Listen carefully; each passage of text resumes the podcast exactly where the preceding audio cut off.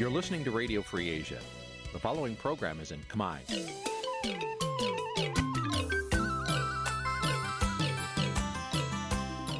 នេះជាកម្មវិធីផ្សាយ Vuthu Azizi Serai នេះជាកម្មវិធីផ្សាយរបស់ Vuthu Azizi Serai ជាភាសាខ្មែរ Vuthu Azizi Serai សូមស្វាគមន៍លោកអ្នកនាងទាំងអស់ពីរដ្ឋធានី Washington នៃសហរដ្ឋអាមេរិក បាទពីរដ្ឋធានី Washington ខ្ញុំបាទជាចំណានសូមជម្រាបសួរលោកអ្នកនាងអ្នកស្ដាប់ Vuthu Azizi Serai ទាំងអស់ជាទីមេត្រីយើងខ្ញុំសូមជូនការផ្សាយសម្រាប់ព្រឹកថ្ងៃអាទិត្យ13រោចខែបុស្សឆ្នាំឆ្លូវត្រីស័កពុទ្ធសករាជ2565ដែលត្រូវនៅថ្ងៃទី30ខែមករាគ្រិស្តសករាជ2022បាទជាដំបូងនេះសូមអញ្ជើញលោកនាងស្ដាប់ព័ត៌មានប្រចាំថ្ងៃដែលមានមេត្តាដូចតទៅ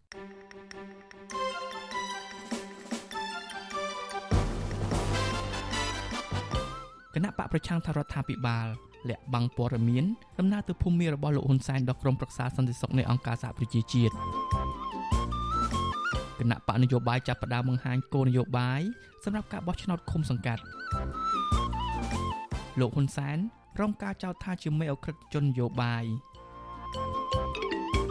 ក្រុមអ្នកវិទ្យាសាស្ត្ររកឃើញសត្វនិងរុក្ខជាតិប្រភេទថ្មីជាង200ប្រភេទនៅតំបន់ទន្លេមេគង្គរួមនឹងព័ត៌មានមួយចំនួនទៀត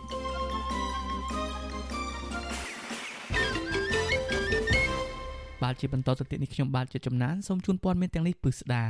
មន្ត្រីគណៈបកសង្គ្រោះជាតិយល់ថារដ្ឋាភិបាល កំពុងធ្វើប្រជាវិធុតឬដោះសារប្រាប់ទៅក្រមប្រឹក្សាសន្តិសុខរបស់អង្គការសហប្រជាជាតិអំពីគោលបំណងនៃដំណើរទៅជួបមេដឹកនាំរបបសឹកភូមាឬមីយ៉ាន់ម៉ារបស់លោកនាយករដ្ឋមន្ត្រីហ៊ុនសែនកាលពីពេលថ្មីៗនេះអ្នកជំនាញប្រមានថាក្រមមេដឹកនាំរដ្ឋាភិបាលក្រុងភ្នំពេញនឹងលងខ្លួនកាន់តែជ្រៅក្នុងវិបត្តិភូមា ព្រោះថាពួកគេអាចនឹងមិនអាចកុហកទៅក្រមប្រឹក្សាសន្តិសុខអង្គការសហប្រជាជាតិបានទេបាទលោកសេបណ្ឌិតរាយការណ៍ព័ត៌មាននេះមន្ត្រីគណៈបកប្រឆាំងហៅចម្លើយបែបដោះសារឬការធ្វើប្រជាពិធរបស់រដ្ឋមន្ត្រីការបរទេសកម្ពុជា ដែលបានប្រាប់ទៅក្រមប្រឹក្សាសន្តិសុខអង្គការសហប្រជាជាតិរឿងភូមិនោះនឹងមិនអាចជួយការពារឬបិទបាំងទង្វើរបស់លោកហ៊ុនសែនក្នុងការជួយជ្រោមជ្រែងរបបសឹកភូមិនោះបានទេ ប្រធានគណៈបកសង្គ្រោះជាតិប្រចាំនៅប្រទេសហ្វីលីពីន លោកនីវចម្រើន សង្កេតឃើញថា លោកប្រាក់សុខុនព្យាយាមឆ្លើយតបទៅក្រមប្រឹក្សាសន្តិសុខអង្គការសហប្រជាជាតិដោយភាសានយោបាយភូតកុហករបៀបដូចនឹងលោកហ៊ុនសែនដែរលោកបន្តថា ការឆ្លើយកុហកស្ថាប័នកម្ពុជារបស់អង្គការសហប្រជាជាតិនេះ នឹងធ្វើឲ្យរដ្ឋាភិបាលកាន់តែបាក់មុខលើឆាកអន្តរជាតិថែមទៀតរបបយោធានៅប្រទេសភូមាហ្នឹងប្រទេសអន្តរជាតិ100ជាង90ប្រទេសហើយដែលមិនទទួលស្គាល់បែរជាលោកហ៊ុនសែនហ្នឹងទៅទទួលស្គាល់ហើយពេលដែលទៅទទួលស្គាល់ហើយបែរជានិយាយត្រឡប់វិញថាអត់ទេអត់ទៅទទួលស្គាល់ទេដូច្នេះគាត់គេហៅថាដោះសារមិនមែនទៅដោះស្រាយគឺដោះសារគាត់ទៅហ្នឹងគឺក្នុងនាមទៅលើកទឹកចិត្តដល់របបយោធារបស់ភូមាសម្រាប់ឆាកអន្តរជាតិនេះគាត់គ្មានមុខអីជាមួយឆាកអន្តរជាតិទេគឺហៅថាបាក់មុខ ការលើកឡើងនេះក្រោយពីក្រមប្រឹក្សាសន្តិសុខអង្គការសហប្រជាជាតិបានស្នើឲ្យតំណាងរដ្ឋាភិបាលកម្ពុជា ផ្ដល់ព័ត៌មានអំពីដំណើរទស្សនកិច្ចនិងស្ថានភាពវិវត្តនៅប្រទេសមីយ៉ាន់ម៉ាដល់ស្ថាប័នកម្ពុជាមួយនេះកិច្ចប្រជុំចង្អៀតនេះធ្វើឡើងតាមប្រព័ន្ធវីដេអូនៅម៉ោង10យប់នៅថ្ងៃទី28ខែមករាដោយមានការចូលរួមពីប្រធានក្រុមប្រឹក្សាសន្តិសុខអង្គការសហប្រជាជាតិ អ្នកស្រីម៉ូណាជូលរដ្ឋមន្ត្រីការបរទេសកម្ពុជានិងជាប្រេសិតពិសេសរបស់ប្រធានអាស៊ាន លោកប្រាក់សុខុនព្រមទាំងប្រេសិតពិសេសរបស់អង្គការសហប្រជាជាតិស្ដីពីបញ្ហាភូមិអ្នកស្រី Nolin Heiser ក្រោយបញ្ចប់កិច្ចប្រជុំបិទទ្វារនេះរួចក្រសួងការបរទេសកម្ពុជា បានចេញសេចក្តីប្រកាសព័ត៌មាននៅថ្ងៃទី29មករាក្នុងន័យដូចជំនួបជាមួយតំណាងប្រទេសអាស៊ានមុនមុនដែរ ដោយថាលោកនាយករដ្ឋមន្ត្រីហ៊ុនសែនទៅភូមាដើម្បីទម្លុះទម្លាយភាពជាប់គាំងនិងដើម្បីកសាងទំនុកចិត្តការជឿជាក់និងការយោគយល់គ្នាជាដើមលោកប្រាក់សុខុនបន្តលើកសរសើរទស្សនកិច្ចនោះថា គឺជាការបោះជំហានដ៏រឹងមាំមួយឆ្ពោះទៅរកវឌ្ឍនភាពបន្ថែមទៀតលោកបានព្យាយាមបញ្ចុះបញ្ចូលក្រុមប្រឹក្សាសន្តិសុខអង្គការសហប្រជាជាតិដោយប្រៀបធៀបថាលោកហ៊ុនសែនទៅដាំដើមឈើសន្តិភាព និងការផ្សះផ្សាជាតិភូមិប៉ុន្តែដើមឈើនោះត្រូវការពេលវេលាត្រូវការភាពអត់ធ្មត់និងការអនុវត្តជាក់ស្ដែងមុនពេលអាចប្រមូលផលពីដើមឈើនោះបានលោកប្រាក់សខុនក៏បានប្រាប់ក្រុមប្រឹក្សាសន្តិសុខដែរថាជំហានបន្ទាប់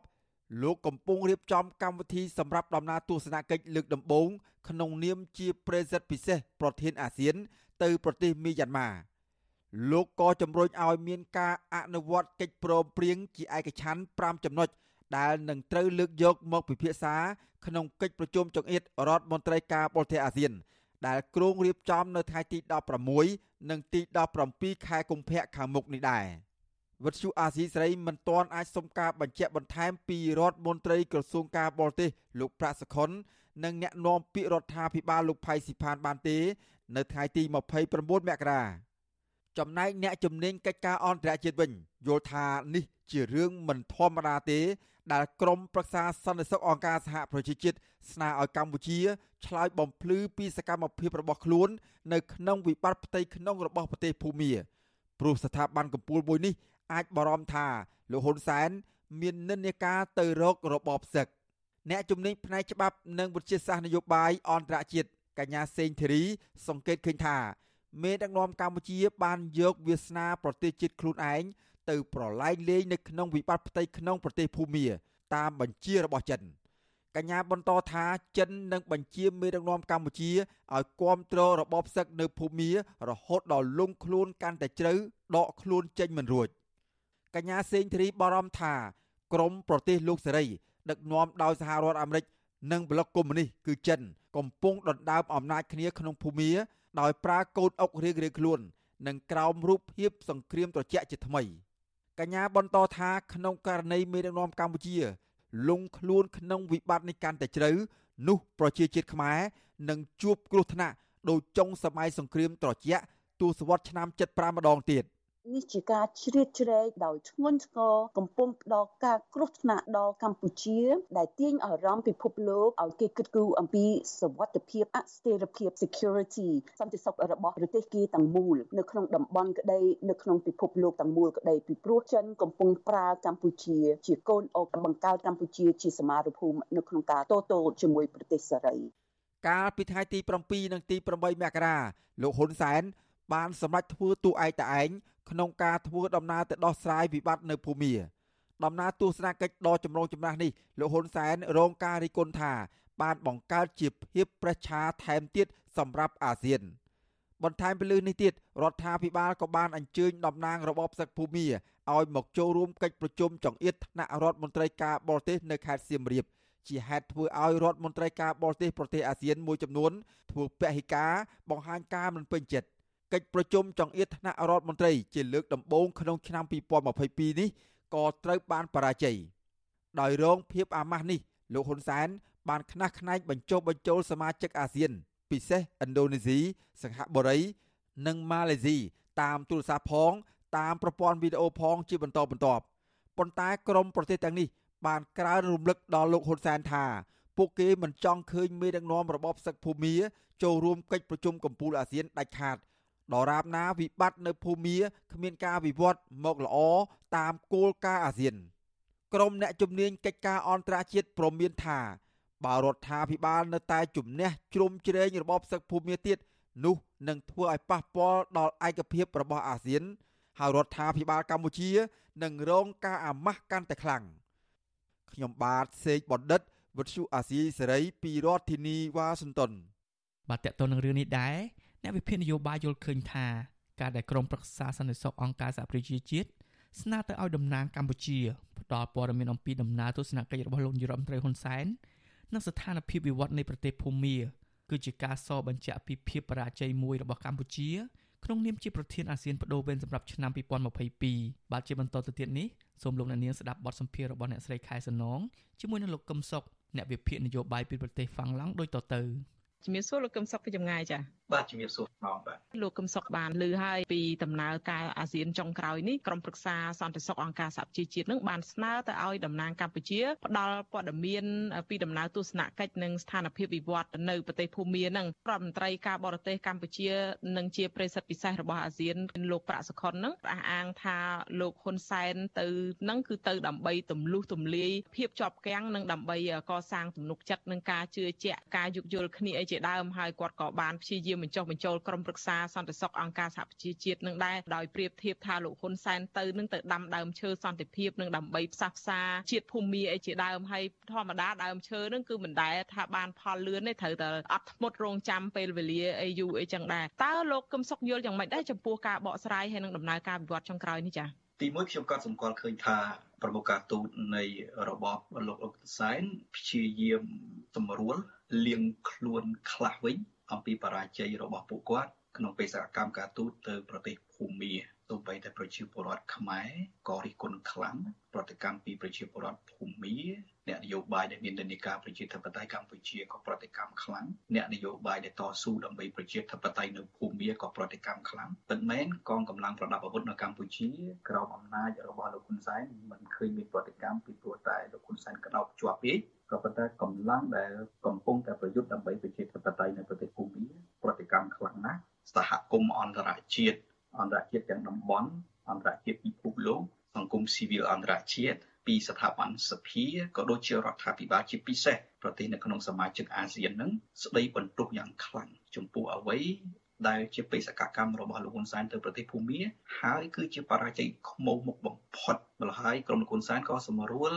ស្ដារនយោបាយបន្តិចទៅចំណុចទី2ដែលបញ្ជាក់ថាបរាជ័យនោះក្រុមលោកហ៊ុនសែនមានឱកាសពន្យល់អង្គការសហប្រជាជាតិទៅហើយគឺស្ថាប័នកម្ពុជារបស់អង្គការសហប្រជាជាតិក៏ប៉ុន្តែបែរជាធ្វើលិខិតបញ្យល់តែពីរទំព័រខ្លីទេអំពីសមិទ្ធផលនៃការងាររបស់ពួកគាត់ប្រសិនបើពួកគាត់ជោគជ័យមែនពួកគាត់នឹងមានតែសេចក្តីបញ្យល់យ៉ាង ច្រើនពាក់ព័ន្ធទៅនឹងការងាររបស់ពួកគាត់ដែរក៏ប៉ុន្តែការពន្យល់ដោយខ្លីនេះគ្រាន់តែលើកឡើងនៅអ្វីដែលជាគំនិតដោយសុកណងបានស្រង់អញ្ចឹងដើម្បីបញ្ជាក់ទៅអង្គការសហប្រជាជាតិតែប៉ុណ្ណឹងក៏ជាការបង្ហាញប្រាប់អង្គការសហប្រជាជាតិថាគេសង្ស័យចំពោះបេសកកម្មរបស់ក្រមលោកហ៊ុនសែន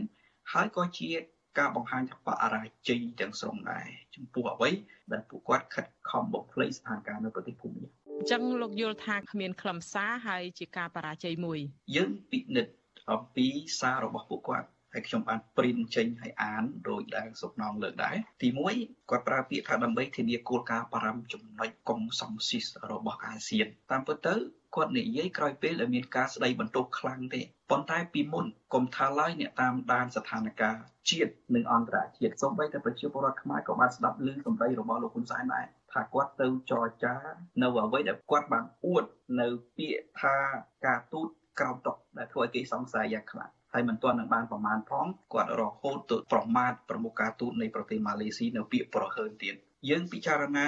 សារការទូតរបស់គាត់អត់ខុសទេគាត់ថាទំលុកទំលាយភាពជាប់គាំងឆ្ពោះទៅកាន់វឌ្ឍនភាពពិតមែនហើយសារការទូតចំពោះក្រមប្រឹក្សាសន្តិសុខអង្គការសហប្រជាជាតិក្នុងវេទិកាអន្តរជាតិអញ្ចឹងគេនឹងរឹកពាក្យល្អល្អមកនិយាយក៏ប៉ុន្តែសកម្មភាពជាក់ស្ដែងបង្កើតនៅការមន្ទិលខ្លាំងណាស់ដល់ក្រមប្រឹក្សាសន្តិសុខអង្គការសហប្រជាជាតិពីព្រោះទី1ពួកគាត់ទៅដល់ប្រទេសភូមា ហើយមុនទៅនឹងក្រោយពេលមកពីប្រទេសភូមាទទួលស្គាល់ពួករដ្ឋប្រហារថាជារដ្ឋាភិបាលនៃសហភាពមីយ៉ាន់ម៉ាដែលអង្គការសហប្រជាជាតិអត់ទទួលស្គាល់ទេហើយអាស៊ានក៏គ្មានប្រទេសណាប្រកាសទទួលស្គាល់ដែរចំណុចដែលសំខាន់បំផុតគេអាចមន្ទិលរឿងមួយដែរថាក្រុមលោកហ៊ុនសែនប្រើឈ្មោះប្រទេសអាស៊ានទៅទស្សនកិច្ចនៅប្រទេសភូមាបើទោះបីជាមិនបានជោគជ័យនៅក្នុងកិច្ចការអាស៊ានក៏ប៉ុន្តែគាត់បានជោគជ័យនៅក្នុងកិច្ចសហប្រតិបត្តិការរវាងក្រុមលោកហ៊ុនសែននិងក្រុមមីនុងយ៉ាង ដើម្បីជួយគ្នាការពីអំណាចហើយដូចយើងឃើញស្រាប់ទៅដល់ប្រទេសភូមាក្រុមលោកហ៊ុនសែន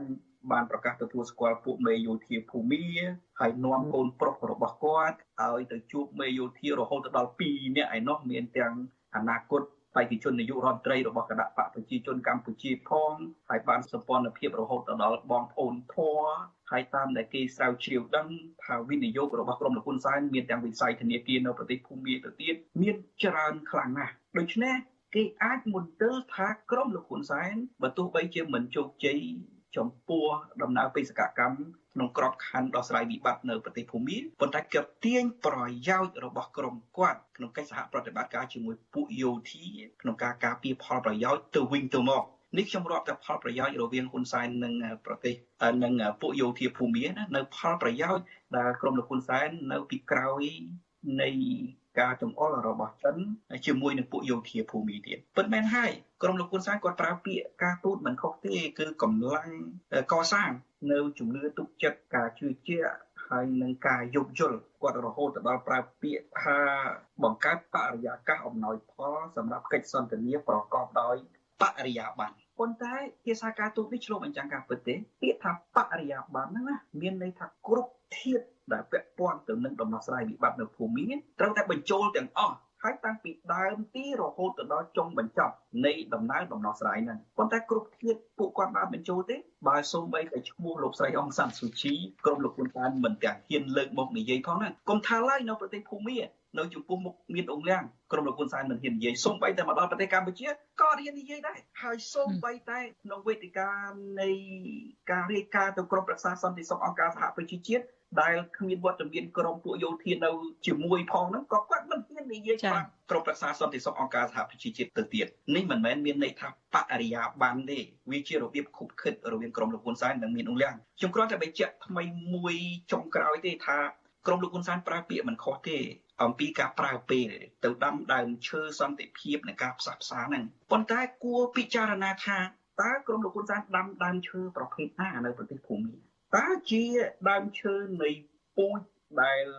មានស្រឡាយធាតពូជរដ្ឋប្រហារឬក៏ពូជស្រឡាញ់ប្រជាធិបតេយ្យដើម្បីដាំដើមឈើសន្តិភាពបានទាល់តែដាំដើមឈើពូជប្រជាធិបតេយ្យដូចនៅប្រទេសកម្ពុជាអញ្ចឹងណា កម្ពុជាបើទោះបីជាពួកមួយចំនួនដែលគាត់ប្រកាសអំពីការស្រឡាញ់សន្តិភាពក៏ហើយក៏ប៉ុន្តែពូជប្រភេទនេះមិនអាចបង្កើតសន្តិភាពនៅប្រទេសកម្ពុជាទេពីព្រោះជាពូជដែលជាប់ពាក់ព័ន្ធទៅនឹងអង្គើផ្ដាច់ការជាប់ពាក់ព័ន្ធទៅនឹងអក្រិតកម្មតាំងពីថ្នាក់ជាតិរហូតទៅដល់កម្រិតអន្តរជាតិជាប់ពាក់ព័ន្ធទៅនឹងការរំលោភសិទ្ធិមនុស្សធ្ងន់ធ្ងរពាក់ព័ន្ធទៅនឹងការសម្លាប់ប្រជាធិបតេយ្យបើដាំពូជប្រភេទហ្នឹងមិនអាចបង្កើតសន្តិភាពបានទេ គាត់គួរតែពន្យល់ថាពូជអីដែលគាត់ដាំនៅប្រទេសភូមាទៅក្រុមប្រឹក្សាសន្តិសុខអង្គការសហប្រជាជាតិ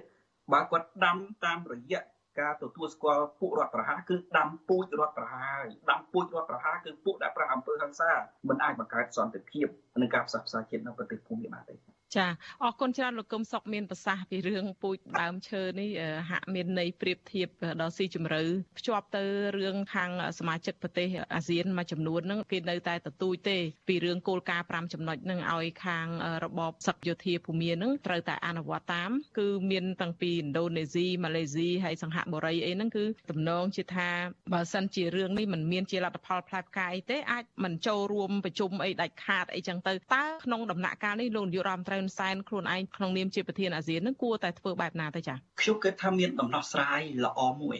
សម្រាប់លោកហ៊ុនសែនដែរប្រសិនបើស្ថានភាពដូចសពថ្ងៃនេះដែលធ្លាក់ដល់កម្រិតដែលលោកហ៊ុនសែនបាក់មុខយ៉ាងខ្លាំងរាសីគាត់អាប់អោនមែនតែនស្រត់ចុះខ្លាំងណាស់បើយើងពិនិត្យអំពីប្រតិកម្មតាំងពីផ្ទៃក្នុងជាតិរហូតទៅដល់តំបន់អន្តរជាតិរហូតទៅដល់អន្តរជាតិពិភពលោកសង្គ្រោះអត់បានទេស្រោចទឹកពីគ្រូមុនគមបកែប៉ុណ្ណាក៏មិនបានដែរ ប៉ុន្តែមានចំណុចមួយដែរប្រសិនបើគាត់ចង់លើករាសីគាត់ខ្លះវិញណាគួរដោះលែងលោកកឹមសុខាដែលជាប្រធានគណៈបកប្រឆាំងនឹងឲ្យមានសេរីភាពនយោបាយទម្លាក់ចោលបត់ចោលប្រកាន់គាត់ទៅអានឹងអាចសង្គ្រោះរាសីគាត់បានខ្លះវិញតែបើគាត់នៅតែមានះគាត់នឹងប្រឈមធ្ងន់ធ្ងរណាស់កុំភ្លេចណាក្នុងករណីលោកហ៊ុនសែននេះលោកហ៊ុនសែនកំពុងតែរងនៅប្រតិកម្ម នៃនយោបាយការទូតដ៏ប្រហើនរបស់គាត់គាត់ប្រើពាក្យប្រហើនទៅកាន់នាយករដ្ឋទៅកាន់ប្រមុខការទូតនៃប្រទេសម៉ាឡេស៊ីក៏ប៉ុន្តែលទ្ធផលនៃនយោបាយប្រហើនប្រើពាក្យប្រហើនហ្នឹងឥឡូវនឹងធ្លាក់មកដល់គាត់វិញដែលសហគមន៍អន្តរជាតិកំពុងតែបង្ហាញថាគឺលោកហ៊ុនសែនប្រហើនពេកហើយត្រង់ណាចំណុចទី1គេមិនចូលរួមប្រជុំកិច្ចប្រជុំសម្ងាត់កិច្ចប្រជុំចង្អៀតនៃរដ្ឋមន្ត្រីការបរទេសអាស៊ានហើយចំណុចទី2គេប្រតិកម្មចំចំតែម្ដង ហើយមិនមែនជារឿងធម្មតាទេ ដែលអង្គការសហប្រជាជាតិបានហៅទៅសួរអំពីការវិវត្តនៅប្រទេសភូមានេះជាការបញ្ជាក់បង្ហាញថាវាជាបរាជ័យធំរបស់ក្រមលោកហ៊ុនសែនហើយនយោបាយប្រហើនបែបនេះណាវាដល់ដំណាក់កាលមួយដែលគេកំពុងតែសង្កត់ក្រមលោកហ៊ុនសែនតាមរយៈសកម្មភាពទៅវិញដែលបង្ហាញថាគឺក្រមលោកហ៊ុនសែនប្រហើនទៅវិញទេនៅត្រង់ណាគឺលោកហ៊ុនសែននិងក្រុមគាត់ត្រូវតែព្យាយាមបដិសេធរដ្ឋប្រហារយោធាភូមិ ហើយដោះស្រាយតាមគោលការណ៍5ចំណុចរបស់អាស៊ាន ចំណងរបស់លោកហ៊ុនសែននេះធ្លាក់លើខ្លួនឯងបើគាត់ធ្វើតាមប្រតិកម្មរបស់អង្គការសហប្រជាជាតិនិងសហគមន៍អន្តរជាតិពិតមែនគាត់បានធូរខ្លួន ប៉ុន្តែបើគាត់មិនធ្វើតាមប្រតិកម្មរបស់សហគមន៍អន្តរជាតិគាត់នឹងរងការស្ដីបន្ទោសកាន់តែខ្លាំងហើយប្រធានអាស៊ានរបស់គាត់សប្តាហ៍ថ្ងៃអាចคล้ายទៅជាប្រធានអាស៊ានព្យួរការងារណា គេមិនព្យួរការងារគាត់ទេក៏ប៉ុន្តែភាពជាក់ស្ដែងដូចប្រធានអាស៊ានព្យួរការងារអញ្ចឹងគេអត់ចូលរួមប្រជុំគេអត់សហប្រតិបត្តិការអាចមាន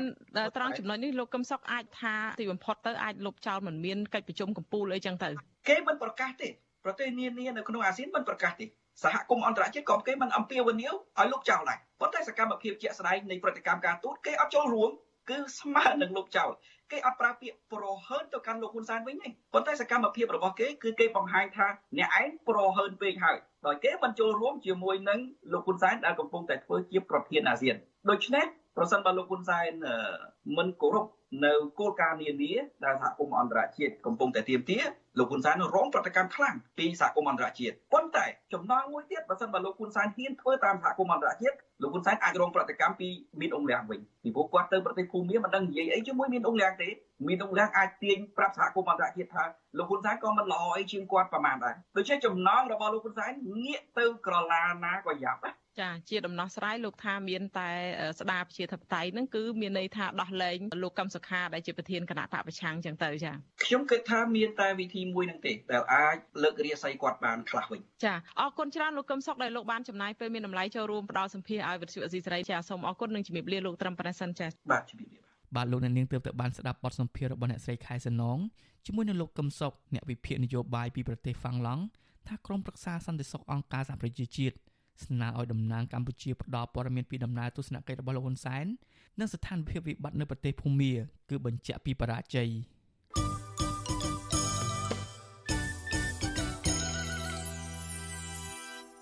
បាទលោកអ្នកនាងអ្នកស្ដាប់ជាទីមេត្រីក្រុមអ្នកជំនាញពុំមានសុទ្ធតិដ្ឋិនិយមទេថាកម្ពុជាក្នុងនាមជាប្រធានបដូវវេនអាស៊ានក្នុងឆ្នាំ2022នេះអាចដោះស្រាយបញ្ហាអតិភិបពាក់ព័ន្ធនឹងវិស័យសន្តិសុខនិងនយោបាយរបស់អាស៊ាន ស្របពេលដែលតំបន់អាស៊ាននិងពិភពលោកទាំងមូលកំពុងជួបប្រទះនឹងបញ្ហាតានតឹងជាច្រើននារយៈពេលចុងក្រោយនេះទោះជាយ៉ាងណាក្រុមអ្នកជំនាញមួយចំនួនរំពឹងថាកម្ពុជាអាចនឹងសម្រេចបានអត្ថប្រយោជន៍ខ្លះក្នុងវិស័យសេដ្ឋកិច្ចសង្គមនិងវប្បធម៌របស់អាស៊ានបាទលោកអ្នកនាងនឹងបានស្ដាប់ព័ត៌មានលម្អិតអំពីរឿងនេះនៅពេលបន្តិចទៀតនេះ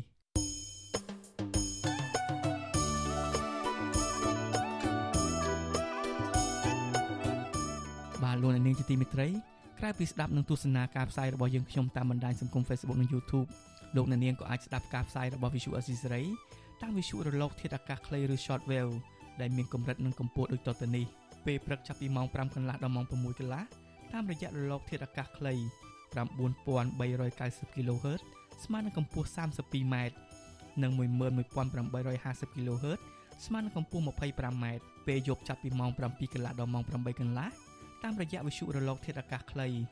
9390 kHz ស្មើនឹងកម្ពស់ 32m និង15155 kHz ស្មើនឹងកម្ពស់ 20m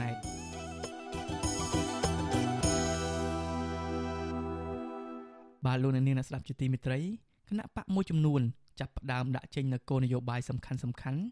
សម្រាប់ត្រៀមប្រកួតប្រជែងការបោះឆ្នោតក្រុមប្រឹក្សាឃុំសង្កាត់អាណត្តិទី5ឆ្នាំ2022ទោះបីជាយ៉ាងណាគណៈបកមួយចំនួន មិនទាន់សម្រេចចិត្តទៅចូលរួមការបោះឆ្នោតនេះនៅឡើយព្រោះពួកគេកំពុងវាតម្លៃបរិយាកាសនយោបាយដើម្បីធានាអព្យាក្រឹតដំណាភាពនិងភាពទទួលយកបានពីគ្រប់ភាគីទាំងអស់ជាមុនសិនគណៈបកនយោបាយចាត់ទុកការបោះឆ្នោតជ្រើសរើសក្រុមប្រឹក្សាគុំសង្កាត់ថាជាការបោះឆ្នោតដ៏មានសារៈសំខាន់ដើម្បីពង្រឹងលទ្ធិប្រជាធិបតេយ្យថ្នាក់ក្រោមជាតិតាមរយៈការប្រកួតប្រជែងដោយពឹងផ្អែកលើគោលនយោបាយពួកគេរំពឹងខ្ពស់រៀងៗខ្លួន ថាប្រជាពលរដ្ឋបោះឆ្នោតផ្ដល់សេចក្តីទុកចិត្តដើម្បីមានឱកាសអភិវឌ្ឍភូមិឃុំអ្នកនាំពាក្យគណៈបកប្រជាជនកម្ពុជាលោកសុកអេសាសមានប្រសាសន៍ថាសម្រាប់ការបោះឆ្នោតជ្រើសរើសក្រុមប្រឹក្សាឃុំសង្កាត់អាណត្តិទី5គណៈបកលោកបន្តអនុវត្តកម្មវិធីនយោបាយដោយទៅនឹងអាណត្តិចាស់ដដែលដោយគណៈបកគ្រាន់តែបំពេញបន្ថែមនៅចំណុចដែលខ្វះខាតតែប៉ុណ្ណោះពីព្រោះកម្មវិធីនយោបាយថ្នាក់មូលដ្ឋាននោះមិនអាចអនុវត្តតែមួយឬពីរអាណត្តិហើយទទួលយកលទ្ធផលនោះទេ លោកបញ្ជាក់ថាគោលនយោបាយភូមិឃុំមានសុវត្ថិភាពក៏ដូចជាវិធានការបង្ក្រាបបទល្មើសគ្រឿងញៀនលបែងស៊ីសងអំពើហិង្សាក្នុងគ្រួសារជាដើមដើម្បីធានានូវការអភិវឌ្ឍឲ្យមានប្រសិទ្ធភាពគឺជាគោលនយោបាយអតិភិបសម្រាប់គណៈបកប្រជាជនកម្ពុជាក្នុងការប្រកួតប្រជែងនៅថ្ងៃខាងមុខ ធ្វើការបម្រើសេវាសាធារណៈជូនប្រជាពលរដ្ឋបច្ចុប្បន្ននេះគឺថាដើម្បីបម្រើប្រជាពលរដ្ឋផលប្រយោជន៍ប្រជាពលរដ្ឋហើយដើម្បីឲ្យប្រជាពលរដ្ឋមានជំនឿទុកចិត្តឲ្យមកលើការដឹកនាំរបស់គណៈបកប្រជាជនហើយបន្តបោះឆ្នោតគ្រប់គ្រងគណៈបកប្រជាជនបន្តទៀតដោយឡែកប្រធានស្ដីទីគណៈបកភ្លឹងទៀនលោកថាច់សេថាវិញលោកឲ្យដឹងថាគណៈបកនេះនៅមិនទាន់សម្រេចថាចូលរួមការបោះឆ្នោតជ្រើសរើសក្រុមប្រឹក្សាឃុំសង្កាត់នៅខាងមុខនៅឡើយទេដោយសារតែបច្ចុប្បន្ន បកកំពុងផ្ដោតទៅលើការរៀបចំរចនាសម្ព័ន្ធទូទាំងប្រទេសជាមុនសិនប៉ុន្តែលោកបញ្ជាក់ថាការសម្រេចចិត្តយ៉ាងណានោះគឺអាស្រ័យលើរចនាសម្ព័ន្ធមូលដ្ឋានក្នុងសមាជវិសាមញ្ញឆាប់ឆាប់នេះតែលោកថាច់ស៊ីថាបញ្ជាក់ថាប្រសិនបើគណៈបករបស់លោកចូលរួមការបោះឆ្នោតឃុំសង្កាត់ឆ្នាំ2022នេះបេក្ខជនភៀកច្រើនគឺជាមេឃុំចៅសង្កាត់និងក្រុមប្រឹក្សាឃុំសង្កាត់មកពីគណៈបកសង្គ្រោះជាតិ ដែលធ្លាប់ទទួលបានការគ្រប់គ្រងពីពលរដ្ឋលោកឲ្យដឹងថាឃុំសង្កាត់ដែលដឹកនាំដោយបកកណ្ដាលអំណាចកន្លងមកមិនបានបំពេញតួនាទីឲ្យបានត្រឹមត្រូវហើយបង្កើតនៅអំពើអយុត្តិធម៌ក្នុងសង្គមដែលគណៈបកភ្លើងទៀនត្រូវតែដាក់ចេញនូវគោលនយោបាយអធិភាពដោះស្រាយបញ្ហាទាំងនោះរួមមានការផ្តល់សេវាសាធារណៈល្អលុបបំបាត់អំពើពុករលួយ ការពារដីស្រែទ្រព្យសម្បត្តិរបស់រដ្ឋនិងពលរដ្ឋពីជនខិលខូចបកភ្លិន ទៀនក៏មានគោលជំហរនៅក្នុងការកសាងការអភិវឌ្ឍគុំសង្កាត់នឹងមិនខុសពីគោលដៅគោលនយោបាយរបស់គណៈបកសង្គ្រោះជាតិដែលទ្រុគេរំលីនឹងដែរពីមុនមកយ៉ាងមិនយើងទៅតែចឹងយើងអត់មានប្រែប្រួលទេគឺការតស៊ូរបស់យើងទៅរក្សាដល់តែការពារប្រជាពលរដ្ឋដដែលចំណែកអ្នកនាំពាក្យគណៈបកប្រជាធិបតេយ្យមូលដ្ឋានលោកលឹកសុធាវិញថ្លែងថាគណៈបករបស់លោកបានត្រៀមខ្លួនចូលរួមការបោះឆ្នោតខាងមុខដើម្បីប្រកួតប្រជែងគោលនយោបាយឃុំសង្កាត់រួចហើយ ប៉ុន្តែផ្អែកលើបរិយាកាសនយោបាយលោកបញ្ជាក់ថាបករបស់លោកមានគោលនយោបាយចម្បងទៅលើបញ្ហាសេដ្ឋកិច្ចនិងការងារសុខាភិបាលសិក្សានិងអប់រំសេវាសាធារណៈនិងសង្គមគិច្ចលើសពីនេះលោកថាក្រមការងារនៅតាមឃុំសង្កាត់នឹងសិក្សាពីដំណើរការជាក់ស្ដែងរបស់ពលរដ្ឋបន្ថែមទៀតលោកលឹកសុធាថាគណៈបកប្រជាធិបតេយ្យមូលដ្ឋានបានរកឃើញក្នុងអាណត្តិដឹកនាំដោយគណៈបកប្រជាជនកម្ពុជាមិនទាន់បំពេញកិច្ចការមួយចំនួន ឆ្លើយតបទៅនឹងកិច្ចការអប់រំដល់កុមារការបំពេញមុខងារសេវាសុខាភិបាលនិងបញ្ហាគ្រឿងញៀននៅថ្នាក់ក្រោមជាតិជូនប្រជាពលរដ្ឋត្រឹមត្រូវនោះទេ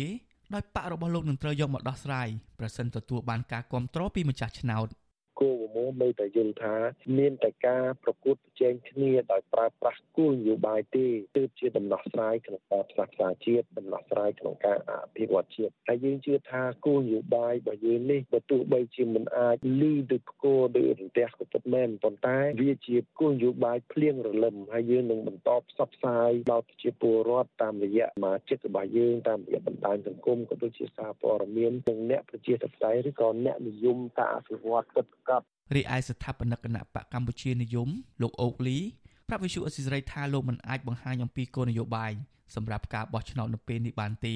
ដោយសារតែខាងលោកកំពុងពិភាក្សាហើយអនុម័តដាក់ឲ្យផ្សព្វផ្សាយគោលនយោបាយនេះជាផ្លូវការនៅថ្ងៃទី5ខែកុម្ភៈចំណែកអគ្គលេខាធិការគណៈបកសម្ព័ន្ធដើម្បីប្រជាធិបតេយ្យលោកចិនធុនវិញថ្លែងនៅខ្លីថាបករបស់លោកត្រៀមខ្លួនចូលរួមការបោះឆ្នោតឃុំសង្កាត់ខាងមុខនេះដោយសម្រេចលើគោលនយោបាយអាណត្តិចាស់ សម្រាប់ចូលរួមប្រកួតប្រជែងអាណត្តិថ្មីនិងបានរៀបចំបេក្ខជនឈរឈ្មោះបោះឆ្នោតខាងមុខរួចហើយដែរជុំវិញរឿងនេះអគ្គលេខាធិការសហព័ន្ធនិស្សិតបញ្ញវន្តកម្ពុជាលោកគៀនពន្លកលើកឡើងថាការបោះឆ្នោតដែលទទួលយកបានត្រូវការចេញពីការប្រកួតប្រជែងដោយមានដំណាភាពពីគ្រប់ភាគីនយោបាយលោកសង្កេតឃើញថាការដែលគណៈបកចាស់និងបកថ្មីបង្ហាញគោលនយោបាយប្រកួតប្រជែងពេលនេះគឺជាឱកាសល្អសម្រាប់ប្រជាពលរដ្ឋ ដើម្បីជ្រើសរើសមេដឹកនាំស្របតាមចន្ទៈរបស់ខ្លួននិងស្របតាមគោលនយោបាយប្រជាធិបតេយ្យសេរីពហុបកលោកជឿជាក់ថាគោលនយោបាយដែលល្អនឹងទទួលបានការតាក់ទាញសម្លេងគាំទ្រពីសំណាក់ពលរដ្ឋដែលធ្វើឲ្យក្រមប្រឹក្សាគុំសង្កាត់អាណត្តិទី5និងមិនដឹកនាំបែបឯកបកជាពិសេសជួយស្ដារស្ថានភាពប្រជាធិបតេយ្យមូលដ្ឋានល្អប្រសើរឡើងវិញ។ នេះគឺជាឱកាសល្អមួយសម្រាប់ការប្រកួតប្រជែងគ្នាដោយផ្អែកទៅលើគោលការណ៍នៃលទ្ធិប្រជាធិបតេយ្យតាមរយៈគោលនយោបាយហើយប្រសិនបើគណៈបកណាមួយមានគោលនយោបាយល្អនោះនឹងធ្វើឲ្យមានការតាក់ទាញកាន់តែខ្លាំងនៅសម្លេងគ្រប់គ្រងពីសំណាក់ប្រជាពលរដ្ឋព្រោះអីនៅពេលនេះប្រជាពលរដ្ឋខ្មែរយល់ដឹងយ៉ាងច្បាស់អំពីគោលនយោបាយអ្វីជាការបម្រើដល់ផលប្រយោជន៍របស់ពួកគាត់ប្រសិនបើគ្មានការប្រែប្រួលទេការបោះឆ្នោតក្រុមប្រឹក្សាគុំសង្កាត់អាណត្តិទី5 នឹងធ្វើឡើងនៅថ្ងៃអាទិត្យទី5ខែមិថុនាឆ្នាំ2022ខាងមុខគណៈបកនយោបាយទាំងអស់ត្រូវបញ្ជូនឈ្មោះបេក្ខជនរបស់ខ្លួននៅតាមឃុំសង្កាត់ឲ្យទៅគណៈកម្មាធិការជាតិរៀបចំការបោះឆ្នោតនៅត្រឹមខែមីនាខាងមុខនេះ។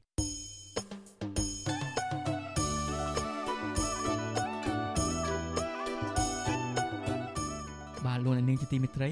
ក្រៅពីស្ដាប់និងទស្សនាការផ្សាយរបស់យើងខ្ញុំតាមបណ្ដាញសង្គម Facebook និង YouTube លោកនាងក៏អាចស្ដាប់ការផ្សាយរបស់ Visual Assisray តាមវិទ្យុរលកធាតុអាកាសខ្លីឬ Shortwave ដែលមានកម្រិតនិងកម្ពស់ដូចតទៅនេះពេលព្រឹកចាប់ពីម៉ោង5កន្លះដល់ម៉ោង6កន្លះតាមរយៈរលកធាតុអាកាសខ្លី9390 kHz ស្មើនឹងកម្ពស់ 32m និង11850 kHz ស្មើនឹងកម្ពស់ 25m ពេលយប់ចាប់ពីម៉ោង7កន្លះដល់ម៉ោង8កន្លះ តាមរយៈវិទ្យុរលកធាតុអាកាសខ្លី9390 kHz ស្មើនឹងកម្ពស់ 32m និង15155 kHz ស្មើនឹងកម្ពស់ 20m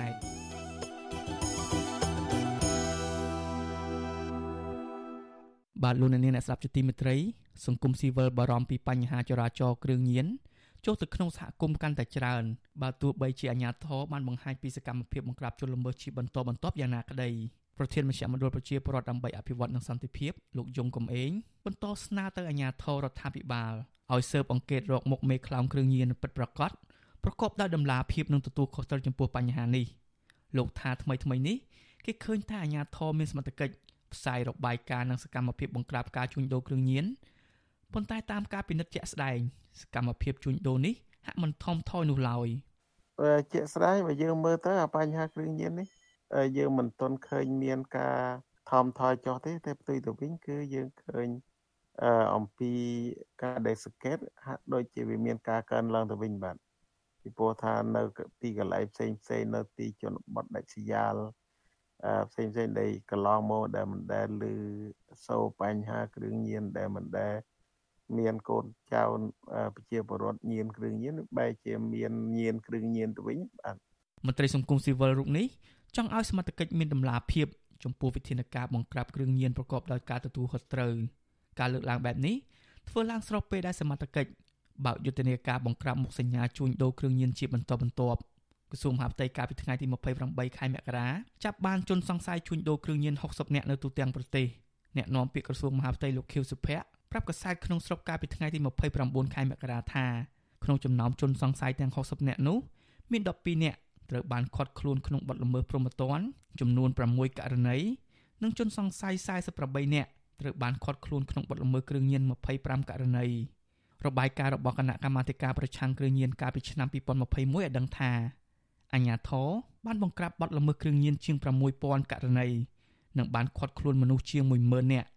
សមត្ថកិច្ចឲ្យដឹងទៀតថា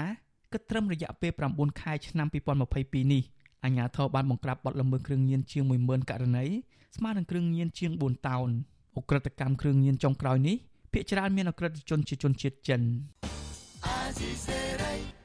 បាទលោកអ្នកនាងជាទីមេត្រីក្រុមអ្នកវិទ្យាសាស្ត្របានរកឃើញសត្វនិងរុក្ខជាតិប្រភេទថ្មីជាង200ប្រភេទនៅតំបន់ទន្លេមេគង្គកាលពីអំឡុងឆ្នាំ2020អង្គការមូលនិធិសត្វព្រៃពិភពលោកបានចេញផ្សាយរបាយការណ៍កាលពីពេលថ្មីថ្មីនេះក្រោយពីក្រុមអ្នកវិទ្យាសាស្ត្របានរកឃើញតនកសត្វថ្មីថ្មីជាច្រើនប្រភេទរួមមានត្រីគ្មានពណ៌ និងសត្វពស់មួយប្រភេទដែលមានពណ៌ភ្លឺផ្លេតផងដែរក្នុងរបាយការណ៍ស្តីពីការរកឃើញសត្វនិងរុក្ខជាតិប្រភេទថ្មីថ្មីរបស់អង្គការ WWF បានបញ្ជាក់ថាសត្វនិងរុក្ខជាតិថ្មីចំនួន224ប្រភេទទាំងនោះត្រូវបានរកឃើញនៅក្នុងប្រទេសកម្ពុជា ថៃឡាវមីយ៉ាន់ម៉ានិងវៀតណាមតំបន់ទន្លេមេគង្គដែលមានលក្ខណៈភូមិសាស្ត្រសម្បូរទៅដោយព្រៃឈើនិងភ្នំជាដើមជាតំបន់ជីវៈចម្រុះដ៏សំខាន់ដែលជាជំរកសត្វកម្របំផុតនៅលើពិភពលោក កំពុងរងគ្រោះថ្នាក់យ៉ាងខ្លាំងដូចជាខ្លាដំរីអាស៊ីនិងត្រីរីកជាដើម អង្គការ WWF ឲ្យដឹងដែរថាចាប់តាំងពីឆ្នាំ1997មកក្រុមអ្នកវិទ្យាសាស្ត្របានរកឃើញសត្វនិងរុក្ខជាតិថ្មីប្រមាណជាង3000ប្រភេទរួចមកហើយដែលនេះបង្ហាញឲ្យឃើញពីសារៈសំខាន់នៃការថែរក្សាប្រព័ន្ធអេកូឡូស៊ីដ៏ផុយស្រួយនៅតំបន់ទន្លេមេគង្គ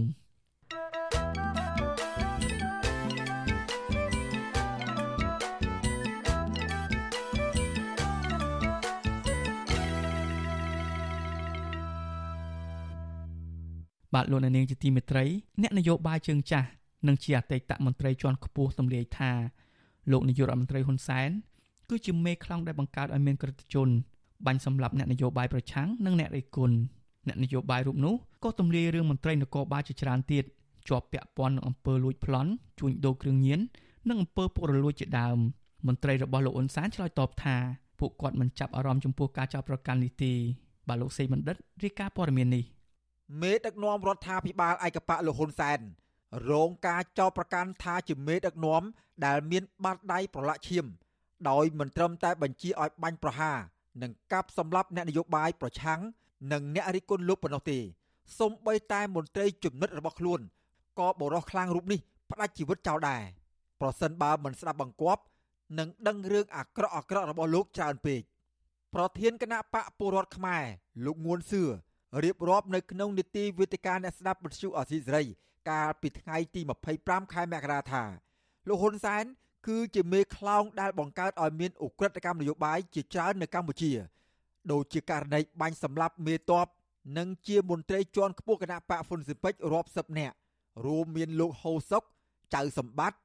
និងលោកគ្រួចយឿមជាដើមអំឡុងពេលរដ្ឋប្រហារថ្ងៃទី5ទី6កក្កដាឆ្នាំ1997 លោកងួនសឿអះអាងថាមូលហេតុដែលលោកដឹងរឿងរ៉ាវឧក្រិដ្ឋកម្មនយោបាយបែបនេះព្រោះលោកធ្លាប់ធ្វើជាអគ្គនាយករងនគរបាលជាតិកូតាគណៈបកហ្វុនស៊ីពេចនៃរដ្ឋាភិបាលចម្រុះដែលបង្កើតឡើងក្រោយការបោះឆ្នោតរៀបចំដោយអ៊ុនតាក់កាលពីឆ្នាំ1993មានឋានៈស្មើលោកហុកឡុងឌីនិងក្រោយមក លោកបានទទួលយកលុយពីលោកហ៊ុនសែនដើម្បីបង្កើតបកនយោបាយ ដោយចងសម្ព័ន្ធភាពជាមួយនឹងគណៈបកប្រជាជនកម្ពុជាទៀតផងអតីតមន្ត្រីប៉ូលីសជាន់ខ្ពស់ដែលកំពុងរស់នៅប្រទេសបារាំងរូបនេះបញ្ជាក់ថា នៅថ្ងៃទី7កក្កដាឆ្នាំ1997កងកម្លាំងស្មោះត្រង់និងលោកហ៊ុនសែនបានចាប់ខ្លួនលោកហូសុក ជារដ្ឋលេខាធិការក្រសួងមហាផ្ទៃកូតាគណៈបកហ្វុនស៊ីមពេចនៅក្នុងទីក្រុងភ្នំពេញនិងនាំយកទៅឃុំខ្លួន ហើយបាញ់សម្លាប់ នៅក្នុងការិយាល័យរបស់ឧត្តមសេនីយ៍ម៉ាឈឿនដែលស្ថិតនៅក្នុងក្រសួងមហាផ្ទៃលោកថាការប្រហារជីវិតលោកហូសុកនិងមន្ត្រីគណៈបកហ្វុនស៊ីមពេចជាច្រើនអ្នកផ្សេងទៀតដែលបានទម្លាក់អាវុធឬគ្មានអាវុធនៅក្នុងដៃឬខណៈស្ថិតនៅក្រោមការឃុំខ្លួន គឺជាការរំលោភច្បាប់សង្គ្រាម និងជាអ ுக ្រិតកម្មសង្គ្រាម។ អ្នកចាប់មានម៉ៅតារាគាត់ជាអ្នកធ្វើនៅក្រសួងមហាផ្ទៃនេះជំនាញខាងនគរបាលព្រំប្រទានលេងតុង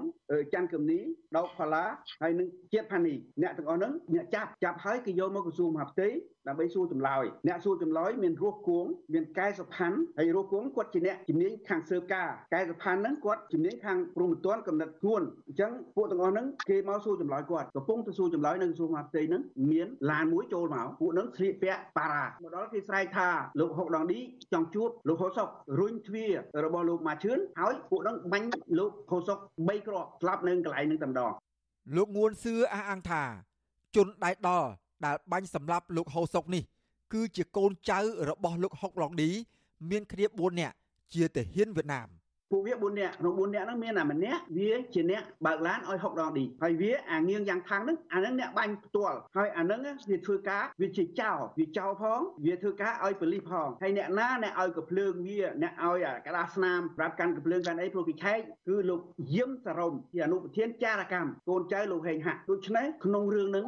បើសិនជាយើងចង់ដឹងការពិតណាអត់មានអីពិបាកទេហៅទៅលោកយឹមសរុំមកសួរហើយយកហៅអាងៀងយ៉ាងខាំងនឹងមកសួរទៅវាជាប់រឿងហើយមានអីពិបាកទេលោកងួនសឿបន្ថែមថា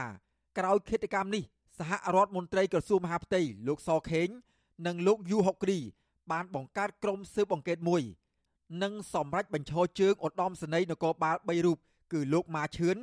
លោកថនអឹមនិងលោកថោងលឹម ដែលជាប់សង្ស័យថាមានចំណែកទទួលខុសត្រូវក្នុងឃាតកម្មលោកហូសុកប៉ុន្តែក្រោយពីត្រូវបានព្យួរការងារដើម្បីបើកផ្លូវឲ្យមានការស៊ើបអង្កេតបានប្រមាណ2ខែស្រាប់តែលោកនាយករដ្ឋមន្ត្រីហ៊ុនសែនបានបញ្ជាឲ្យអ្នកទាំង3ចូលធ្វើការធម្មតាឡើងវិញ បន្ទាប់ពីមានសំណើរបស់លោកហុកឡុងឌីតាក់ទងនឹងឃាតកម្មលោកហូសុកនេះវិទ្យុអាស៊ីសេរីមិនទាន់អាចតាក់ទងសុំការបំភ្លឺពីលោកម៉ាឈឿនដែលបច្ចុប្បន្ន ជាតំណាងរាស្ត្ររបស់គណៈបកប្រជាជនកម្ពុជា នៅមណ្ឌលកំពង់ចាមបានទេ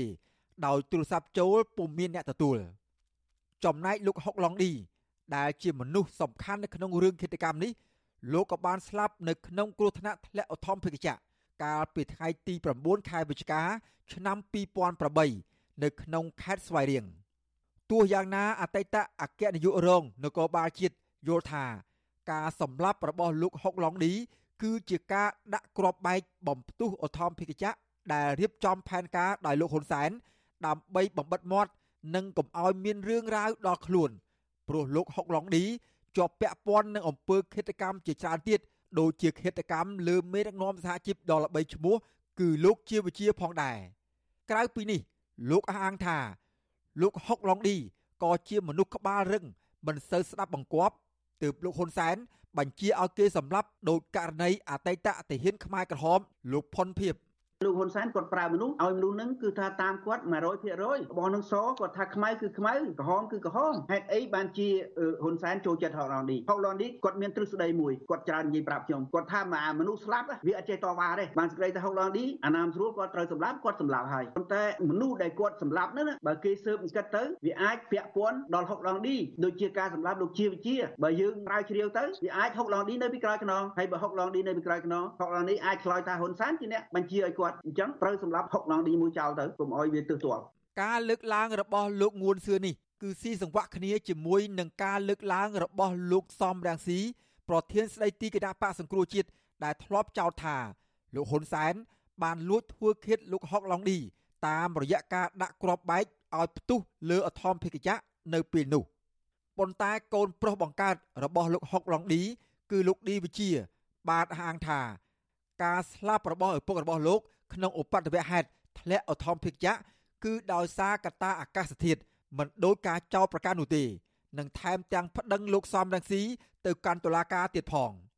បច្ចុប្បន្ននេះលោកឌីវិជាគឺជាអគ្គស្នងការរងនគរបាលជាតិនិងត្រូវជាកូនប្រសាររបស់លោកហ៊ុនសែនវិទ្យុអាស៊ីសេរីមិនទាន់អាចសុំការឆ្លើយតបពីលោកឌីវិជាបានទេដោយទូរស័ព្ទចូលច្រើនដងតែពុំមានអ្នកទទួលចំពោះការចោទប្រកាន់របស់លោកងួនសឿ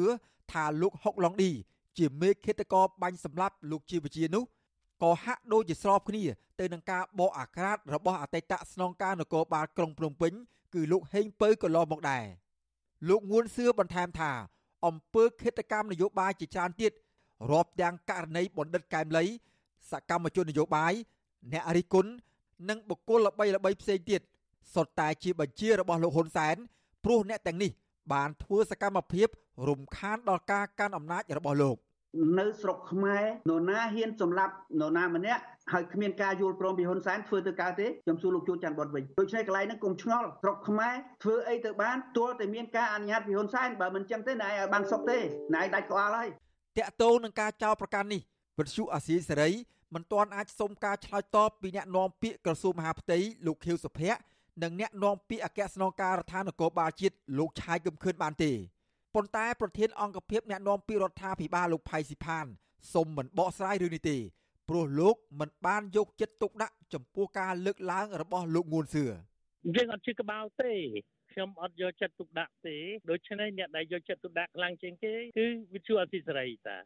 ជាមួយគ្នានេះអ្នកនាំពាក្យគណៈបកប្រជាជនកម្ពុជា លោកសុកអេសានក៏សូមមិនបកស្រាយអ្វីដែរ ក្រោមហេតុផលថា លោកមិនដែលស្គាល់លោកងួនសឿនោះទេគាត់មិននិយាយគាត់ទៅមើលនិយាយទៅនេះអានឹងយកជាការបានទេអញ្ចឹងយើងយល់ថាការនិយាយនេះសុទ្ធតែជាការមូលបង្កាច់មិនអាចទទួលយកបានទេបាទក្រៅពីលើកឡើងរឿងរ៉ាវអ ுக ្រិតកម្មនយោបាយដែលមានលោកហ៊ុនសែនជាមេខ្លោងនោះលោកងួនសឿក៏បកអាក្រាតរឿងមន្ត្រីនគរបាលច្រើនទៀតដែលជាប់ពាក់ព័ន្ធនឹងអំពើលួចប្លន់ជួញដូរគ្រឿងញៀននិងពុករលួយផងដែរ អ្នកនយោបាយដែលធ្លាប់មានសម្ព័ន្ធភាពជាមួយលោកហ៊ុនសែនរូបនេះលើកឡើងថាការលោកនៅកាន់តួនាទីជាអគ្គនាយករងនគរបាលជាតិលោកធ្លាប់ចាប់ខ្លួនកូនកូនរបស់អតីតមន្ត្រីក្រសួងប្រៃសណីនិងទូរគមនាគមន៍លោករស់ឈុនគឺឈ្មោះរស់ទីនិងរស់តាំងដែលប្លន់ឡានរបស់អ៊ុនតាក់រាប់សិបគ្រឿងក្រៅពីនេះលោកងួនសឿចោតលោកជួននរិន ដែលបច្ចុប្បន្នត្រូវបានដំឡើងតួនាទីជាស្នងការនគរបាលខេត្តប្រសេនុថាធ្លាប់មានប្រវត្តិធ្វើជាចោរលួចម៉ូតូក្រៅពីនឹងអាចោលួចប្លន់ម៉ូតូជាង10នាក់គឺសុទ្ធតែពួកប៉ូលីសក្នុងក្រុមនឹងមានជួននរិនហើយគាត់ជាប្រធានផ្នែកខាងចោរកម្មប្រធានផ្នែកចោរកម្មនៅទីក្រុងភ្នំពេញមិនចាប់ចោលបែរជាធ្វើចោលទៅវិញកាលនោះណាជុំវិញរឿងនេះស្នងការនគរបាលខេត្តប្រសេនុលោកជួននរិនថ្លែងយ៉ាងខ្លីថា លោកមិនចាប់អារម្មណ៍នឹងការចោទប្រកាន់នេះទេព្រោះប្រសិនបើលោកជាប់ពាក់ព័ន្ធនឹងបទល្មើសដោយការចោទប្រកាន់មែនគឺថ្នាក់ដឹកនាំមិនអាចចាត់តាំងឲ្យលោកកាន់ការងារមន្ត្រីនគរបាលជំនាញនោះទេ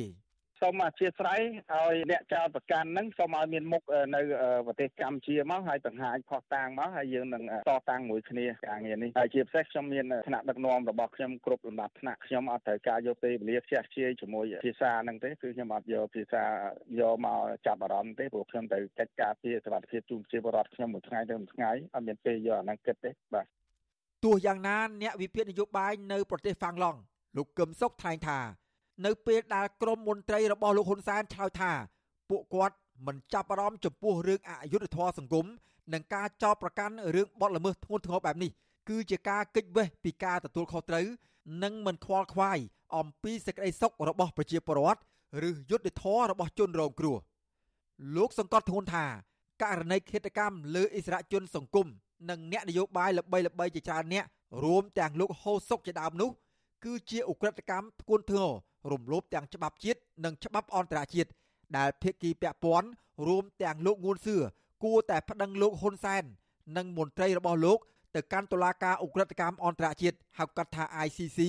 ដើម្បីនាំជនល្មើសមកផ្ដន់ទោស ប្រសិនបើលោកហ៊ុនសែនមិនអាចវេកមុខរកឃាតករបានទេឧទាហរណ៍ឃាតករសម្រាប់លោកបណ្ឌិតកាលីឃាតករសម្រាប់លោកជីវិជាឃាតករសម្រាប់ព្រះអង្គសំប៊ុនធឿនឃាតករសម្រាប់លោកឈុតវិធីជាដើមប្រសិនបើមិនអាចវេកមុខរកឃាតករពិតបានទេ មហាជន សហគមន៍អន្តរជាតិនៅតែសង្ស័យអំពីការពាក់ព័ន្ធរបស់លោកហ៊ុនសែនដដែលពីព្រោះវាគ្មានមូលហេតុអ្វីរកមិនឃើញមុខម្នាក់ទាល់តែសោះនៅពេលដែលលោកហ៊ុនសែនគាត់តែងតែអះអាងថាអ្នកណាចង់ធ្វើអ្វីចេញពីកន្លែងណាពាក់ព័ន្ធជាមួយអ្នកណាគាត់ដឹងទាំងអស់នោះណា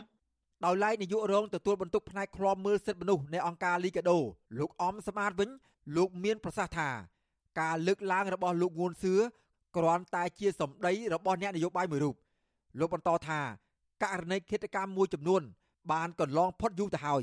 ប៉ុន្តែប្រសិនបើលោកងួនសឿដឹងច្បាស់និងមានភ័ស្តុតាងគ្រប់គ្រាន់ គួរតែចេញមុខប្តឹងដើម្បីស្វែងរកយុត្តិធម៌សម្រាប់ជនរងគ្រោះការលើកឡើងនេះវាជារឿងមួយដែលតែសំខាន់ថាតើការស៊ើបអង្កេតហើយនឹងការហ៊ានធ្វើសាកសីរបស់លោកងួនសឿទៅលើករណីទាំងអស់ហ្នឹងយ៉ាងម៉េចណាបាទអានឹងវាជារឿងសំខាន់ពីព្រោះតាមពិតទៅករណីណាក៏ដោយករណីណាដែរបើសិនជាមានករណីអក្រិតកម្មឬក៏ករណីឃាតកម្មអីកើតឡើងវាត្រូវតែមានការស៊ើបអង្កេតស្វែងរកយុត្តិធម៌និងស្វែងរកការពិតយ៉ាងណា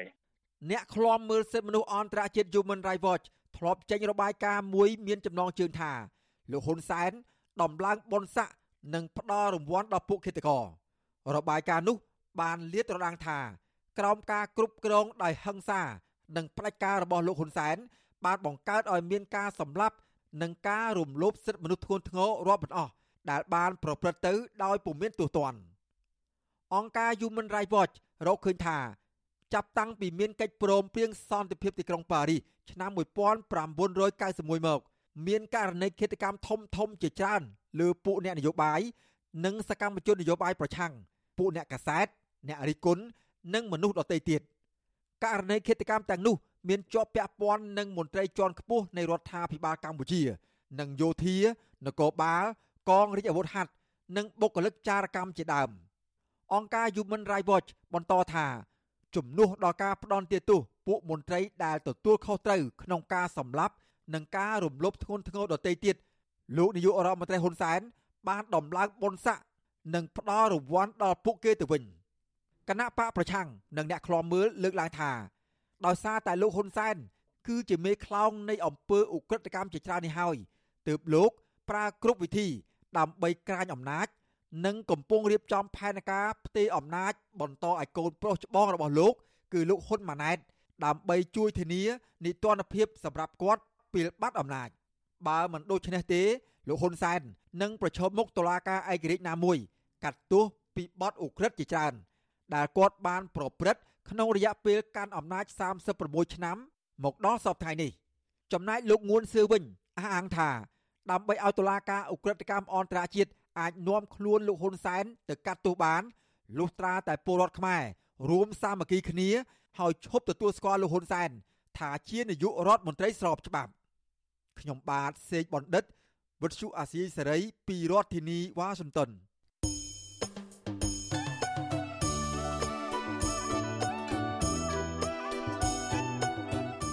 បាទលោកនាងជាទីមេត្រី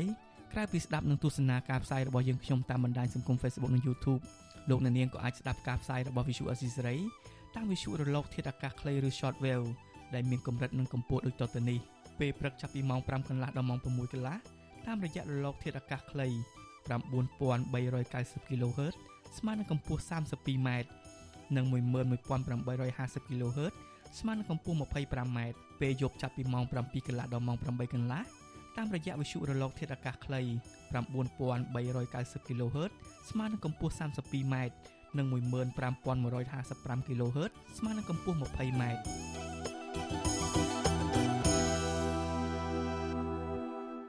បាទលោកអ្នកនាងអ្នកស្ដាប់ជាទីមេត្រីក្រុមអ្នកជំនាញពុំមានសុទ្ធិដ្ឋិនិយមថាកម្ពុជាក្នុងនាមជាប្រធានបដូវវេនអាស៊ានក្នុងឆ្នាំ2022នេះអាចដោះស្រាយបញ្ហាអតិភិបពាក់ព័ន្ធនឹងវិស័យសន្តិសុខនិងនយោបាយរបស់អាស៊ាន ស្របពេលដែលតំបន់អាស៊ាន និងពិភពលោកទាំងមូលកំពុងជួបប្រទះបញ្ហាតានតឹងជាច្រើននារយៈពេលចុងក្រោយនេះទោះជាយ៉ាងណាក្រុមអ្នកជំនាញមួយចំនួនរំពឹងថាកម្ពុជាអាចនឹងសម្រេចបានអតិភិបខ្លះក្នុងវិស័យសេដ្ឋកិច្ចសង្គមនិងវប្បធម៌របស់អាស៊ាន បាទលោកមេរិតរាយការណ៍លម្អិតអំពីរឿងនេះគិតរហូតមកទល់ពេលនេះកម្ពុជាបានឡើងក្លាយជាប្រធានបដូវវេនរបស់អាស៊ាន ជាលើកទី3បានរយៈពេលស្ទើរតែពេញមួយខែហើយ កម្ពុជានៅសល់រយៈពេលប្រមាណ11ខែទៀតប៉ុណ្ណោះដើម្បីដឹកនាំអាស៊ានឆ្ពោះទៅរកគោលដៅអតិភិបដែលខ្លួនចង់សម្រេចនិងដោះស្រាយឲ្យបាន ជាពិសេសពាក់ព័ន្ធទៅនឹងវិស័យចម្បងចម្បងរបស់អាស៊ានរួមមានវិស័យនយោបាយនិងសន្តិសុខសេដ្ឋកិច្ចសង្គមនិងវប្បធម៌ក៏ប៉ុន្តែទន្ទឹមនឹងមហិច្ឆតាចង់សម្រេចបានទៅតាមវិស័យសំខាន់សំខាន់ជារួមរបស់អាស៊ានទាំងនេះកម្ពុជាបានបើកឆាកដឹកនាំអាស៊ាន នៅលើវិថីដ៏រលាក់បាត់ទៅហើយ កម្ពុជាបានចំណាយពេលស្ទើរតែពេញមួយខែដំបូងព្យាយាមដោះស្រាយបញ្ហាវិបត្តិមីយ៉ាន់ម៉ាឬភូមាដែលចង់ឲ្យមេដឹកនាំរដ្ឋប្រហារនៃប្រទេសនេះអាចវិលមកចូលរួមកិច្ចប្រជុំកំពូលរបស់អាស៊ានឡើងវិញបាន ក្រោយពីអាស៊ានបានសម្រេចមិននិយាយរកតាំងពីខែតុលាឆ្នាំកន្លងទៅ នេះក៏ដោយសារតែមេដឹកនាំរដ្ឋប្រហារភូមានៅតែមិនអាចអនុវត្តតាមកិច្ចព្រមព្រៀង5ចំណុចជាមួយអាស៊ានក្រោយពីបានធ្វើរដ្ឋប្រហារទម្លាក់មេដឹកនាំស្របច្បាប់ ដែលពលរដ្ឋភូមាបានបោះឆ្នោតឲ្យគឺអ្នកស្រីអ៊ុងសានស៊ូជីកាលពីដើមខែកុម្ភៈឆ្នាំ2021កន្លងទៅ ការជំនះដោះស្រាយបញ្ហាភូមាតាមរយៈដំណើរទស្សនកិច្ចរបស់លោកហ៊ុនសែនទៅចាប់ដៃមេដឹកនាំរបបសឹកភូមា លោកមីនអងលៀងតែឯកឯង ដោយគ្មានការពិគ្រោះយោបល់ជំនុនជាមួយបណ្ដាសមាជិកអាស៊ាននេះហើយ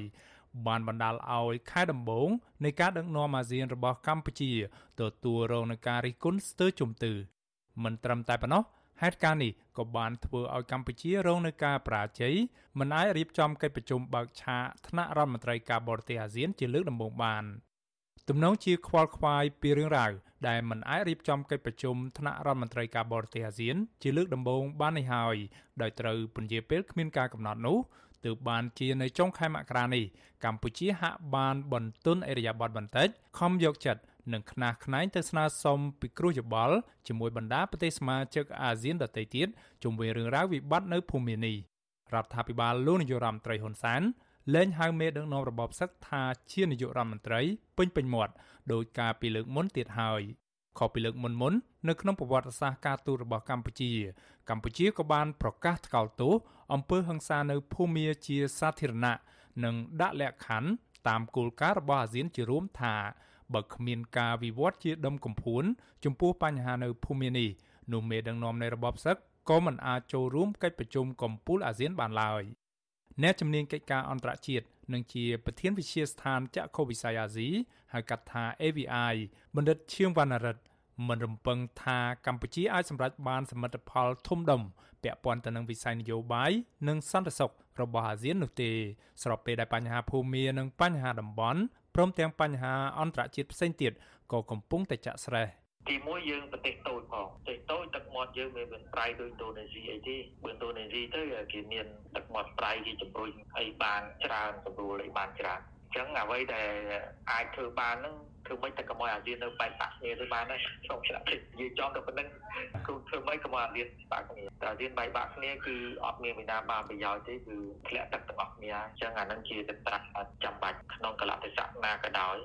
អាស៊ានត្រូវរួមគ្នាជាទ្រង់មួយកាន់តែលំកាន់តែសាមគ្គីគ្នាបណ្ឌិតឈៀងវណ្ណរិទ្ធររំពឹងថាទន្ទឹមនឹងបញ្ហាប្រឈមដែលកម្ពុជាអាចពិបាកសម្រេចបាននៅក្នុងវិស័យអធិភាពនយោបាយនិងសន្តិសុខរបស់អាស៊ានកម្ពុជានៅតែមានឱកាស ក្នុងការសម្រេចបាននូវអធិភាពនៅក្នុងវិស័យសេដ្ឋកិច្ចសង្គមនិងវប្បធម៌កម្ពុជាយើងនិយាយចំទៅជាទូទៅផ្ដល់នៅអធិភាពទៅលើសសរស្តម្ភសេដ្ឋកិច្ចហើយនិងសង្គមវប្បធម៌ព្រោះអត់ចង់បះបញ្ហាក្តៅនៅក្នុងសសរស្តម្ភនយោបាយសន្តិសុខទេតែក៏តែកលៈវិស័យហ្នឹងវាបង្ខំទៅអញ្ចឹងបាទដោយសារបញ្ហាភូមិមានក៏តែក៏វាមិនធ្វើឲ្យថា divert ពី original interest របស់កម្ពុជាដែរគឺជំរុញទៅលើសសរស្តម្ភទី2និងសសរស្តម្ភសេដ្ឋកិច្ចអញ្ចឹងទេបានជំរុញការអនុវត្ត RCEP នឹងឲ្យបានមានប្រសិទ្ធភាពហើយក៏នឹងមានកិច្ចប្រជុំអាស៊ាន Global Dialogue ក្នុងទូនាទីជាប្រធានបដូវវេនអាស៊ានឆ្នាំ2022នេះកម្ពុជាបានជ្រើសរើសយកប្រធានបទអាស៊ានរួមគ្នាធ្វើដោះស្រាយបញ្ហាប្រឈមទាំងអស់គ្នាលោកហ៊ុនសានបានបដិញ្ញានៅក្នុងពិធីប្រគល់តំណែងប្រធានបដូវវេនអាស៊ានជូនកម្ពុជា កាលពីថ្ងៃទី28ខែតុលាថា ក្នុងនាមជាប្រធានអាស៊ានឆ្នាំ2022 កម្ពុជានឹងដឹកនាំកិច្ចខិតខំប្រឹងប្រែងរួមរបស់អាស៊ាន ដើម្បីជំរុញនៅដំណើរការកសាងសហគមន៍អាស៊ានមួយប្រកបដោយសមធម៌រឹងមាំនិងមានការចូលរួមទាំងអស់គ្នាលោកហ៊ុនសានបដិញ្ញាថាកម្ពុជានឹងផ្ដោតលើអធិភាពការងារលើគោលសំខាន់សំខាន់3របស់អាស៊ាន រួមមាននយោបាយនិងសន្តិសុខសេដ្ឋកិច្ចសង្គមនិងវប្បធម៌លោកសង្កត់ធ្ងន់ថាអាស៊ាន ត្រូវមានភាពធន់និងរឹងមាំទប់ទល់បានពីសម្ពាធនិងឥទ្ធិពលនៃការប្រកួតប្រជែងភូមិសាស្ត្រនយោបាយដែលកំពុងតែកើនឡើងក្រៅពីនោះលោកថាកម្ពុជាក៏ផ្ដោតលើបញ្ហាឧក្រិដ្ឋកម្មឆ្លងដែនភេរវកម្មការប្រែប្រួលអាកាសធាតុនិងជំងឺរាតត្បាតជាដើម។ ក្នុងនាមជាប្រធានអាស៊ាន ឆ្នាំ2022កម្ពុជាបដិញ្ញាចិត្តដឹកនាំអាស៊ានបោះជំហានទៅមុខក្រោមមូលបត់អាស៊ានរួមគ្នាធ្វើ ដោះស្រាយបញ្ហាប្រឈមទាំងអស់គ្នាដើម្បីភាពសុខដុមរមនាសន្តិភាព និងវិបុលភាពក្នុងតំបន់ទាំងមូលទោះយ៉ាងណាសម្រាប់អ្នកវិភាគនយោបាយបណ្ឌិតសេងសេរីវិញលោកយល់ថាបញ្ហាធំពីរ ដែលកម្ពុជាគួរធ្វើនិងសម្រេចបាននៅក្នុងនាមជាប្រធានបដូវវេនអាស៊ាន នៅក្នុងឆ្នាំ2022នេះដែលលោកថានឹងក្លាយជារឿងដ៏អស្ចារ្យសម្រាប់កម្ពុជានោះគឺក្រៅតែពីបញ្ហាវិបត្តិភូមិកម្ពុជាក៏គួរដោះស្រាយជំរះនៅក្តីមន្ទិលជុំវិញរឿងរ៉ាវពាក់ព័ន្ធនឹងការចោទប្រកាន់អំពីមូលដ្ឋានកងទ័ពចិន នៅកម្ពុជា ដែលជាប្រធានបដូវវេនអាស៊ានខ្លួនឯង។ រឿងពីរដែលកម្ពុជាគួរធ្វើទី1គឺត្រូវតែបកត្រូវតែដោះស្រាយបញ្ហាការចោទប្រកាន់មូលដ្ឋានទ័ពចិននៅកម្ពុជាហ្នឹងព្រោះអាហ្នឹងវាជារឿងដែលពាក់ព័ន្ធទៅនឹងសន្តិសុខជាតិផងហើយសន្តិសុខតំបន់ហើយស្រួលមិនស្រួលហ្នឹងប្រទេសលោកអង់គ្លេសហ្នឹងអាចយកលេសហ្នឹងនៅក្នុងការរុញកម្ពុជាធ្លាក់ចូលក្នុងខ្លាយទៅជាសេវីននៃការប្រកួតជើអំណាច អាហ្នឹងអាហ្នឹងគឺកម្ពុជាត្រូវតែយកអាហ្នឹងជាអតិភិបទីពីរទៀតគឺបញ្ហាដោះស្រាយនៅបញ្ហានៅភូមិអញ្ចឹងតែជ្រីច្រើនយ៉ាងហើយណាក៏កម្ពុជាគួរតែបង្ហាញពីការប្រឹងប្រែងនៅក្នុងការដោះស្រាយបញ្ហាដោយមានការសហការមានការជជែកគ្នានៅក្នុងតំបន់កម្ពុជាបានចូលជាសមាជិកអាស៊ានជាលើកដំបូងនៅថ្ងៃទី30ខែមេសាឆ្នាំ1999ដែលជាផ្នែកមួយនៃគោលនយោបាយការបរទេសរបស់កម្ពុជា ដើម្បីធ្វើសមាហរណកម្មទៅក្នុងតំបន់ដែលអាចឲ្យកម្ពុជាទាញយកប្រយោជន៍សេដ្ឋកិច្ចនិងសង្គមពីតំបន់អាស៊ានទាំងមូលបានគិតរួមទាំងឆ្នាំ2022នេះកម្ពុជាបានទទួលតួនាទីជាប្រធានប្រវេនអាស៊ានសរុប3លើកមកហើយចាប់តាំងពីក្លាយជាសមាជិកអាស៊ានរួចមក គឺលើកទី1នៅឆ្នាំ2002លើកទី2នៅឆ្នាំ2012និងលើកទី3នៅឆ្នាំ2022នេះតែម្ដង នៅឆ្នាំ2022នេះ ថាតើកម្ពុជាអាចនឹងទទួលរងនឹងការថ្កោលទោសដោយដែលខ្លួនធ្លាប់ទទួលរងកាលពីពេលដឹកនាំអាស៊ាន លើកទី2ក្នុងឆ្នាំ2012ដែរឬយ៉ាងណានោះគេត្រូវរងចាំអត់មើលរហូតដល់ដំណាច់ឆ្នាំនេះនៅពេលដែលកិច្ចប្រជុំកំពូលកំពូលរបស់អាស៊ាននឹងត្រូវធ្វើឡើង ពេលនោះហើយពិភពលោកនឹងបានដឹងអំពីសារធាតុនិងមុខមាត់ពិតប្រាកដរបស់កម្ពុជា ថាតើរដ្ឋាភិបាលរបស់លោកនាយរដ្ឋមន្ត្រីហ៊ុនសែននឹងនៅតែបន្តធ្វើជាកូនអុករបស់ចិន នៅក្នុងសមាគមអាស៊ាន មិនខុសពីមួយទសវត្សរ៍មុនដែរឬយ៉ាងណានោះខ្ញុំបាទមេរិត Visual C ស្រីរាយការណ៍ពីរដ្ឋធានី Washington បាទលោកនាងជាទីមេត្រីការផ្សាយរយៈពេល1ម៉ោងនៃ Visual C ស្រីជាភាសាខ្មែរនៅពេលនេះចប់តែប៉ុណ្ណេះជាងខ្ញុំសូមជូនពរដល់លោកនាងព្រមទាំងក្រុមគ្រួសារទាំងអស់ឲ្យជួបប្រកបតែនឹងសេចក្តីសុខចម្រើនរុងរឿងកំបីគ្លៀងគ្លាតឡើយ ខ្ញុំបាទជាចំណានព្រមទាំងក្រុមការងារនៃ Visual C ស្រីសូមអរគុណនិងសូមជម្រាបលា